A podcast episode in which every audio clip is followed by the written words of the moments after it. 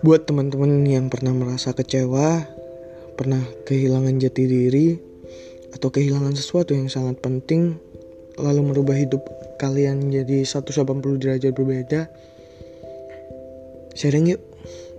Di sini aku pernah di posisi kalian, di mana ada waktu periode tertentu ketika kita benar-benar down, ketika benar-benar di bawah, ketika benar-benar nggak bisa rise up lagi, dan kita harus mengambil satu keputusan nih.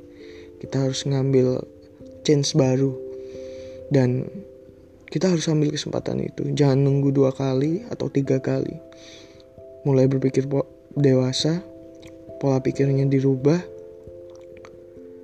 Ayo kita sharing bareng.